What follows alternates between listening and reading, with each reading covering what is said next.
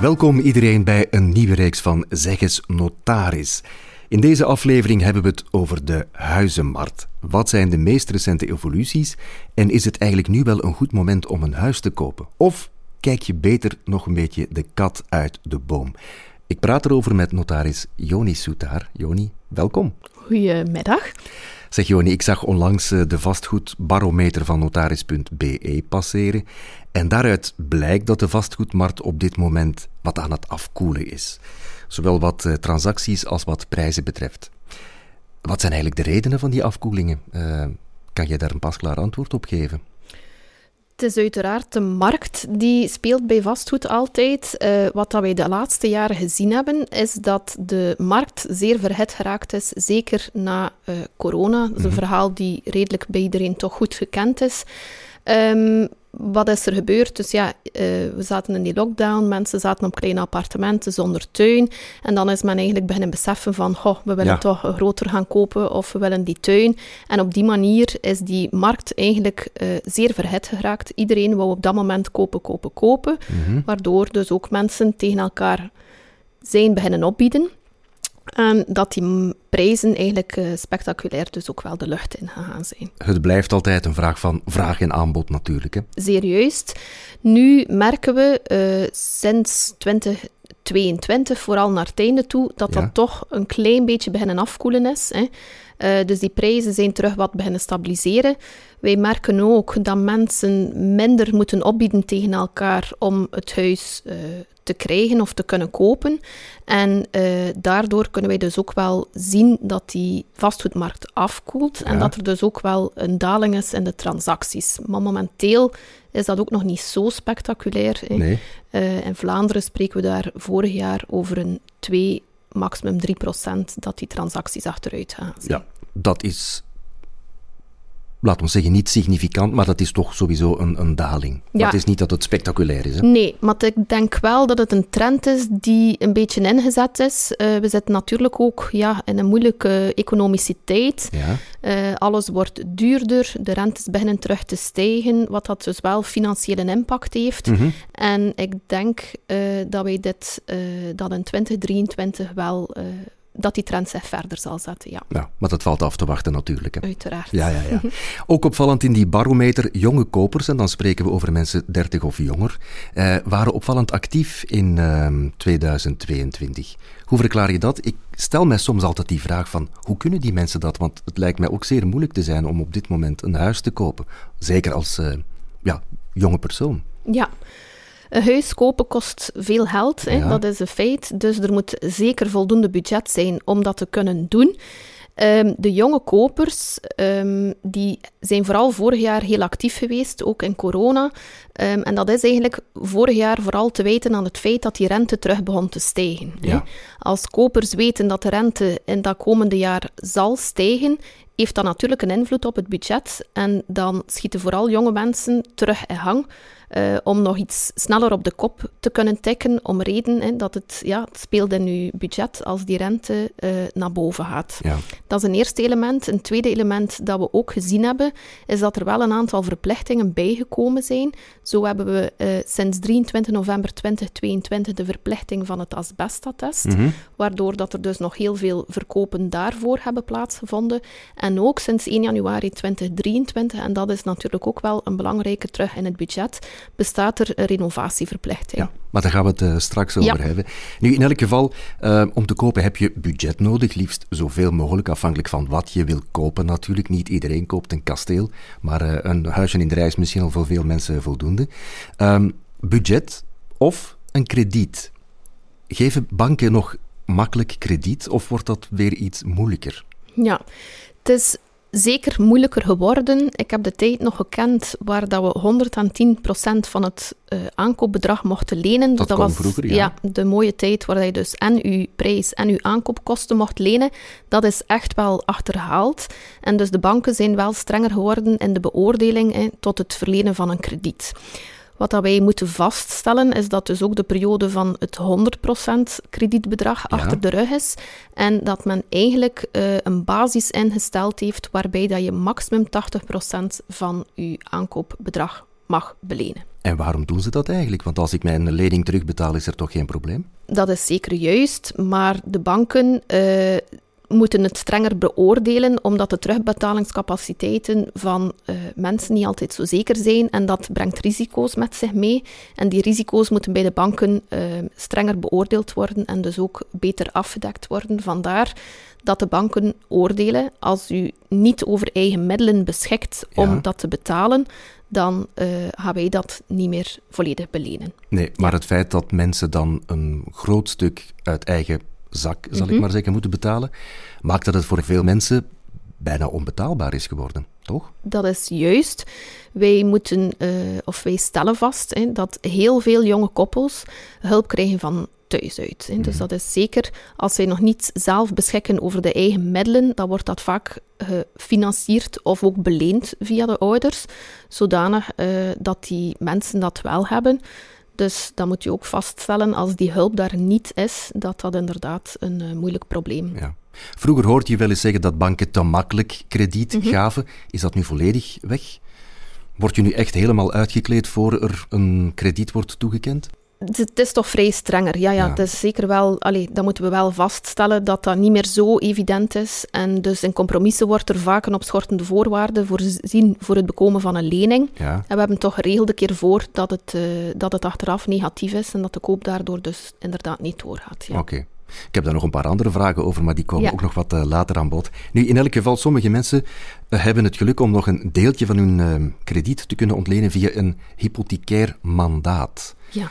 Een hypothecair krediet ken ik, mhm. maar een hypothecair mandaat, dat zegt mij niet veel. Wat is dat voor iets? Wel, um, het is zo, dus als u een lening aangaat bij de bank, dan vraagt de bank eigenlijk een waarborg. Hè? En dus inderdaad, het meest gekende is het hypothecair krediet. Mhm. Dat is dus dat de bank als waarborg een hypotheek neemt op uw woning. Ja, dus dat wil zeggen, als je niet kan betalen, dat het, uh, je woning eigendom wordt van de bank. Ja, dat de woning, dus de bank mag de, de, bank mag de woning aanslaan, excuseer, en dan kan zij het verkopen om het geld op die manier te recupereren. Ja, dat is een hypotheek. Veel mensen weten dat u dus op een aankoop belastingen moet betalen. Mm -hmm. uh, 12% vandaag en in uitzonderlijke gevallen 3%. Uh, eh, maar op een hypotheek moet u ook belastingen betalen en dat is veel minder gekend. Hè. Dus op het bedrag dat u een hypotheek geeft, dient u 1% te betalen aan de fiscus. Dat valt mee, 1%. Dat valt inderdaad mee, maar evident is het zo, als u een krediet aangaat van 200.000 euro mhm. en de bank vraagt een hypotheek van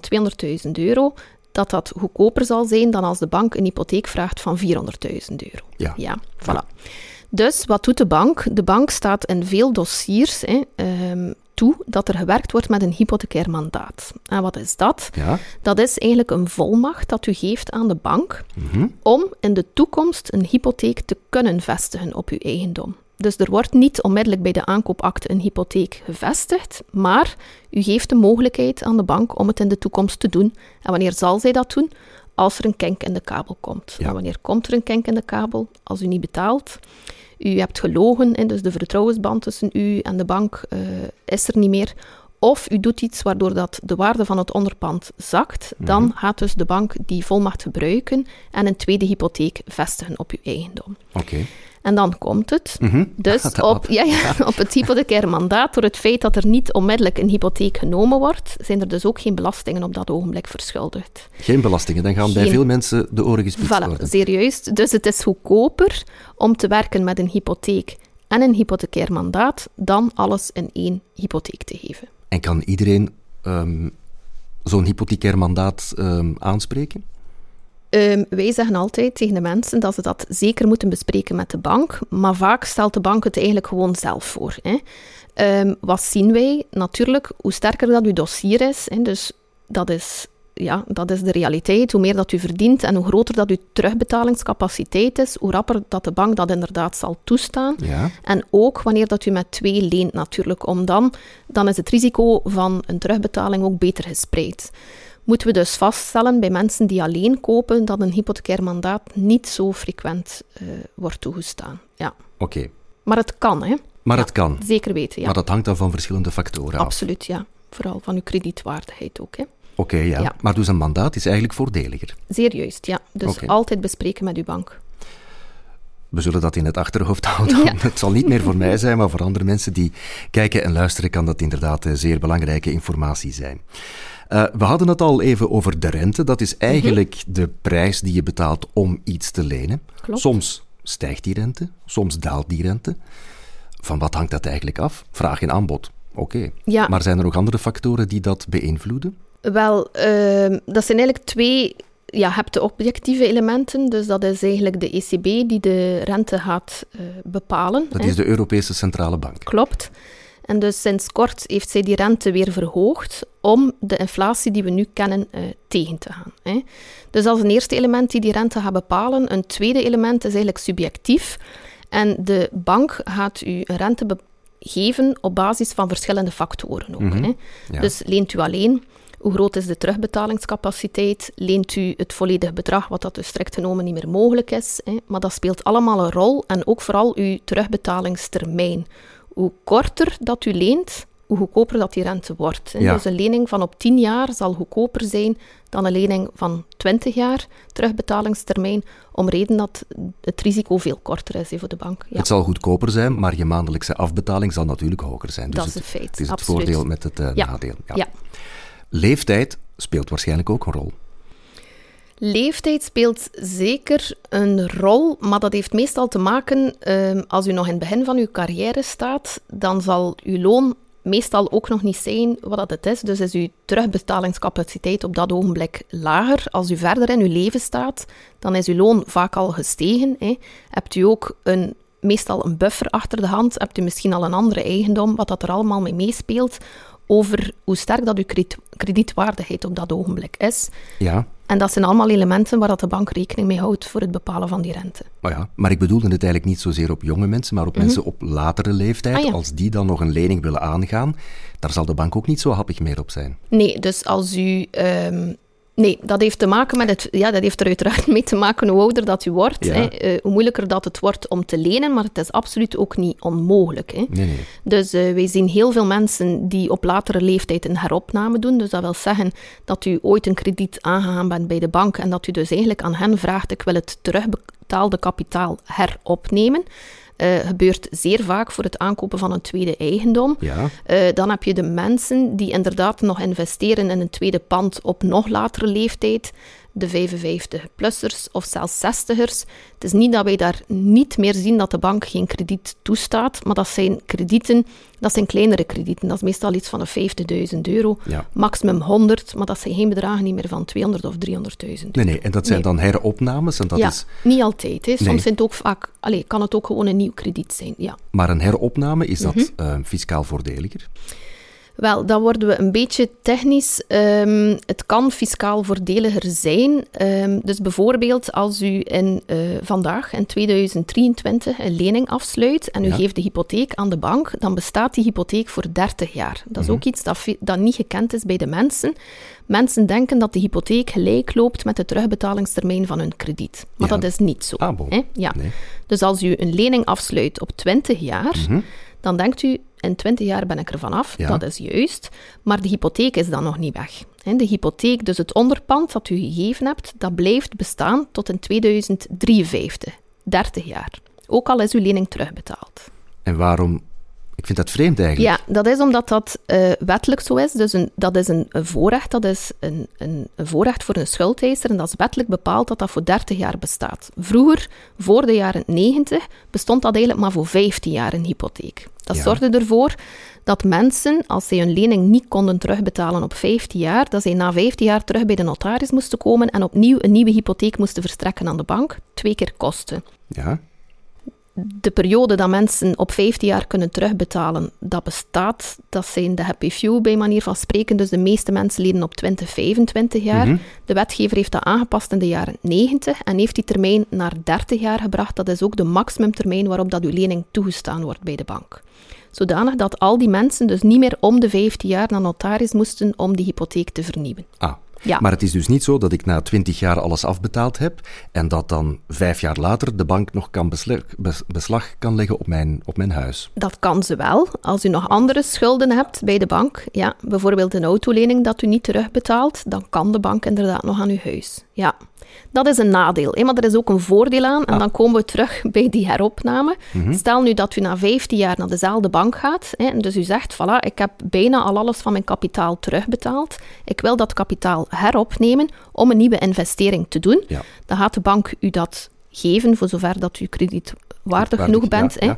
Maar dan gaat de bank u niet meer via ons notaris sturen, omdat zij nog een onderpand heeft. En dan bespaart u zich weer kosten. Ja. Dus dat heeft een voor- en een nadeel. Oké, dat Ja. is duidelijk. Nu, sommige mensen zeggen wel eens, nu moet je nog niet kopen, want de vastgoedprijzen zijn te hoog, te hoog en ze blijven maar stijgen. Ik heb de indruk dat die alleen maar blijven stijgen. Dus wachten heeft dat eigenlijk wel zin, want het wordt alleen maar duurder, keer op keer. Ehm, ja, maar dat is een tendens die we met alles Ja. zien. Hè. Alles wordt duurder in het leven, dus dat is zeker een feit. Ehm, het is wel echt zo dat wij nu vaststellen dat die prijzen eh, wel, wel wat stagneren. Hè. Dus eh, er zijn een aantal elementen die daar invloed op hebben. En een van de belangrijkste is toch die renovatieplicht die ingevoerd is. Wat dat er dus voor zorgt dat die kopers nog een groter budget moeten hebben voor de renovaties die zij moeten doen om die Ja. woning energiezuiniger te maken. Wat dat er dus voor zorgt dat de woningen die slechte EPC-scores hebben, zeker niet meer verhogen in prijs. Ja. Bij nieuwbouw, instapklare woningen die volledig voldoen aan alle energienormen, zal de prijs sowieso niet zakken. Hè. En daar zien wij wel nog dat die altijd, nog altijd zeer geheerd zijn en dat die dus nog altijd veel bevraagd zijn. Ja. Maar het is sowieso dat die prijzen eigenlijk nooit naar beneden zullen gaan. Hè? Misschien een Ik heel klein beetje, maar het is Nee. toch niet Nee, dat je kan zeggen van, weet je wat, wacht een jaar of twee en dan ga je Nee. een goede zaak doen nee, bijvoorbeeld. nee, dat denk ik echt niet. Om reden, alles wordt duurder. Wij hebben een zeer stabiele vastgoedmarkt al altijd gehad. Hè. Dus ik denk niet dat, dat er ooit zaken gaan gebeuren dat wij in Spanje gezien hebben, dat die vastgoedmarkt daar volledig ingestort Ingestort, is. ja, ja. Ja, ja. Ik geloof niet dat dat ooit eh, bij ons zal gebeuren. Nee. Je hebt het er net al even aangehaald, die renovaties, die energiezuinigheid. Krijgen jullie daar veel vragen over? Wij krijgen daar inderdaad wel veel vragen over, eh, om reden ja, dat er toch een beslissing genomen is, is ja, die een belangrijke invloed eh, heeft voor die kopers en Ja. dus ook op het budget. Hè. Dus de regel is eigenlijk nu, als u een woning of een appartement koopt die een eh, EPC heeft die hoger is dan een D, die kopers moeten verplicht voor eh 28 naar een minimum D-score gaan. Mhm. En eh, welke investeringen dat je daarvoor gaat moeten doen, ja, dat kan u zien op het EPC-attest. Het budget staat daar ook bij, maar natuurlijk, ja, dat heeft, eh, een, ja, dat heeft een kostenplaatje. Hè. Ja, absoluut. Is de vastgoedmarkt eigenlijk toegankelijk genoeg voor iedereen? Of zou dat anders kunnen of moeten? Is de vastgoedmarkt toegankelijk voor iedereen? Ehm, dat is een moeilijke vraag. In die zin, ehm, ja, als ze bij ons komen als notaris, ja, dan, zijn, ja, dan is ze toegankelijk om de eenvoudige reden. Dat zijn mensen die bij ons komen, hè, waarvan dat wij zien dat zij het budget hebben om die woning te kopen. Ehm, wat wij vooral moeten vaststellen, het is niet onmogelijk, maar bijvoorbeeld jonge kopers, alleen dat is al een hele moeilijke groep geworden, vind ik persoonlijk zelf, om het nog helemaal alleen te bekostigen. Ja. De meeste jonge kopers die wij zien, zijn met twee. Eh, en dan is er daar ook nog een vrij groot deel van die eigenlijk wel een duwtje in de rug gekregen heeft van de ouders. hè. Ja. Dus op die manier wordt het haalbaar en betaalbaar. De jonge kopers die alleen iets willen kopen, die zien wij minder. Het is niet dat het niet kan, maar voor hen is het wel, allee, dat is gewoon de bittere realiteit of de ernstige realiteit. Alles wordt duurder. hè. En Ja. als u het met één loon moet doen, is het natuurlijk veel moeilijker dan als u Dan- daar met de twee en ook naar de bank toe. Hè. Ja. U moet wel een eigen budget hebben eh, om daarin te investeren. U moet het alleen, volledig alleen dragen, dat krediet. Mhm. Dus eh, ja, dat wordt moeilijk, maar niet onmogelijk. Ja. Niet onmogelijk, maar Nee. zoals je zelf zegt, als je alleen bent en geen Mhm. duwtje in de rug krijgt, Mhm. dan is het inderdaad niet makkelijk. Maar Nee. dat merk je eigenlijk ook bij mensen die huren. Sommige mensen hebben het al moeilijk om een Mhm. betaalbare huurwoning te vinden als ze dat helemaal alleen moeten financieren. Daarom dat er ook vaak mensen gewoon samen iets huren. Dat is waar. Dat is natuurlijk een oplossing. Absoluut, ja. Er bestaat ook nog zo die jonge groep, ik heb daar wel veel bewondering voor, die zeer verstandig met budgetten omgaan. Hè. Ja, dus ja. eh, er zijn heel veel mensen, allee, heel veel, er is een groep die, ehm, die een geld dat zij verdiend hebben, vakantiejobs, andere zaken, eh, een eerste lonen allemaal, langer blijven thuis wonen, maar die dat geld nuttig investeren. Hè. Die het ook durven om dat geld te beleggen. En die groep ehm, doet dat geld eigenlijk wel stijgen in waarde.